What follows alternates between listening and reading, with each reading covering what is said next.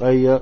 ديت الحديث وعن أنس رضي الله عنه قال أنس ألا الله ريز خليلتون سمعت رسول الله صلى الله عليه وسلم يقول سون إلشنو أولش خزة